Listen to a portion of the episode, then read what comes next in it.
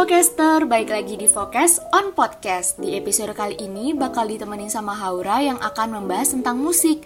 Kalau ngomongin soal musik nih Vocaster, di dunia ini kan ada banyak banget genre musik.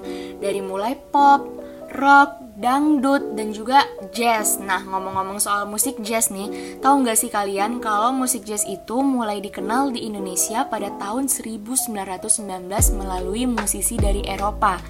Genre musik ini sendiri mengalami puncak popularitas di tahun 1950-an. Musik jazz dimainkan dengan alat musik trompet, saksofon, piano, gitar, dan lain-lain. Orang yang menyukai musik jazz adalah orang yang santai, bebas, ceria, dan bahkan romantis loh Vocaster. Musik ini ditujukan untuk orang yang menyukai musik klasik yang kebanyakan orang dewasa berusia 30 tahun ke atas.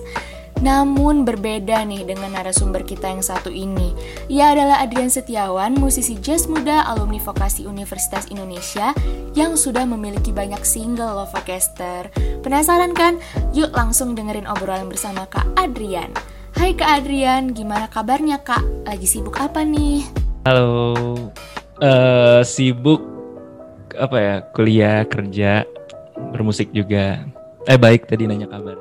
Kak, boleh nggak diceritain awal mula kakak bermusik itu gimana sih? Awal mula bermusik itu pertama kali di SMP ya, yang seriusnya itu uh, biasa sih masih ngeband ngeband anak sekolah, terus uh, lanjut SMA, kuliah.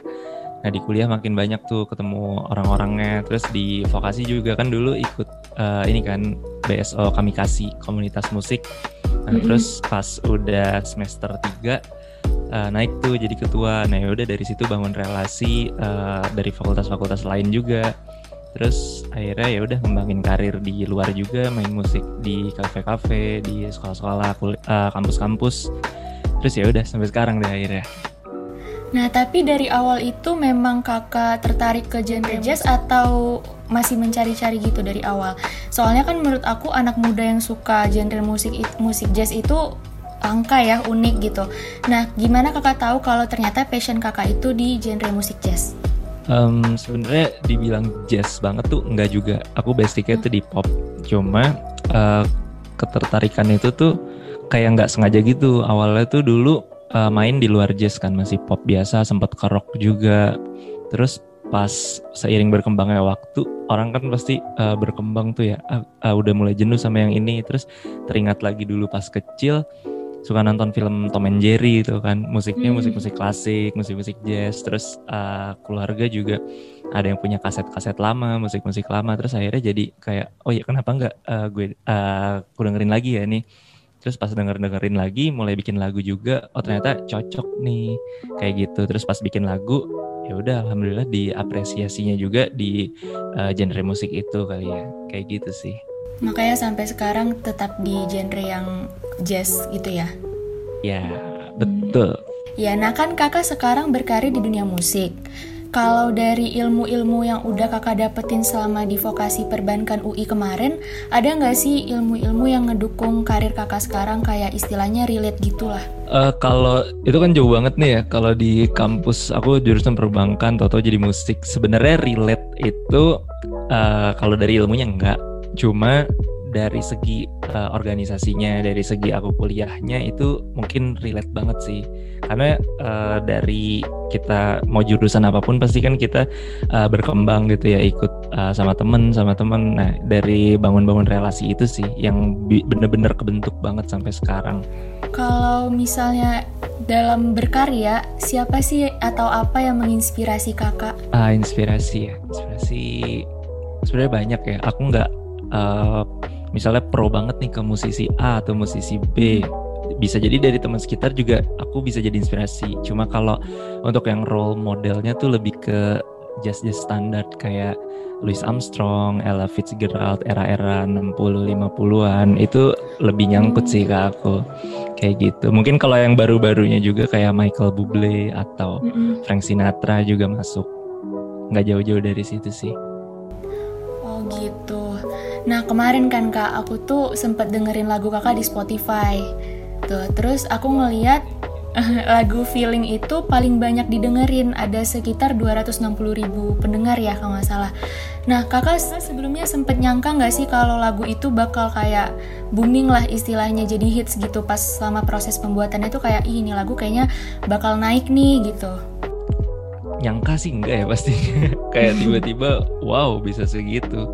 Awalnya tuh aku bikinnya itu karena dulu ikut komunitas musik kan aku sama uh, Endah Endresa di Earhouse. Nah waktu itu tuh Mbak Endah itu ngasih aku PR coba bikin lagu dengan uh, tema lirik yang strong gitu. Terus ya udah aku bikin itu lagunya tuh awalnya buat PR tahun 2018. Terus ya udah seiring berkembangnya waktu aku revisi-revisi lagi akhirnya di 2019 Agustus itu aku rekam Terus ya udah baru beresnya itu awal tahun 2020, terus di Februari pas Valentine 14 Februari itu aku rilis tuh.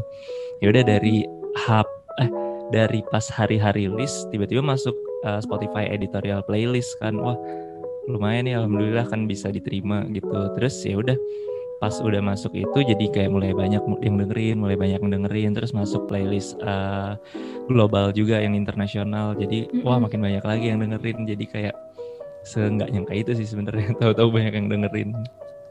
Kayak oh, gitu gitu. Uh, kalau misalnya ini ke depannya mau ada rencana apa untuk karya-karya kakak selanjutnya? Hmm, ke depannya kalau di musik itu album sih. Pertama itu album di tahun depan. Album solo mungkin sekitar 10 10 12 lagu. Kemarin itu baru banget rilis kaset juga ya di tanggal 20 hari Jumat kemarin. Itu buat hmm. pembuka di album pertamaku nanti tahun depan. Gitu aja sih. Paling sebelum Selamat suka, ya, sebelum buat... album single-single dulu. Hmm, selamat ya Kak buat rilis album barunya. Iya, terima kasih. Nah, kalau untuk kesan dan pesan untuk anak muda yang ingin terjun ke dunia musik, gimana Kak? Kesan dan pesan, uh, sebenarnya kenali diri kalian dulu kenalin diri kita sendiri. Karena kadang tuh kita masih suka ke sini ke situ yang penting kenalin kita dulu. Kalau kita udah kenal diri kita sendiri ya udah jangan ragu untuk memulai aja sih. Karena sekecil apa pun langkah kita ya itu yang akan membawa kita ke langkah selanjutnya gitu itu dia tadi obrolan kita dengan Adrian Setiawan, musisi jazz muda alumni vokasi Universitas Indonesia. Semoga bermanfaat dan menambah insight kamu ya Vocaster. Oh iya, jangan lupa untuk dengerin terus Focus on Podcast dan juga follow akun sosial media kita di Instagram at focusradio.ui dan Twitter at focusradioui. Haura pamit undur diri, see you on the next episode, bye!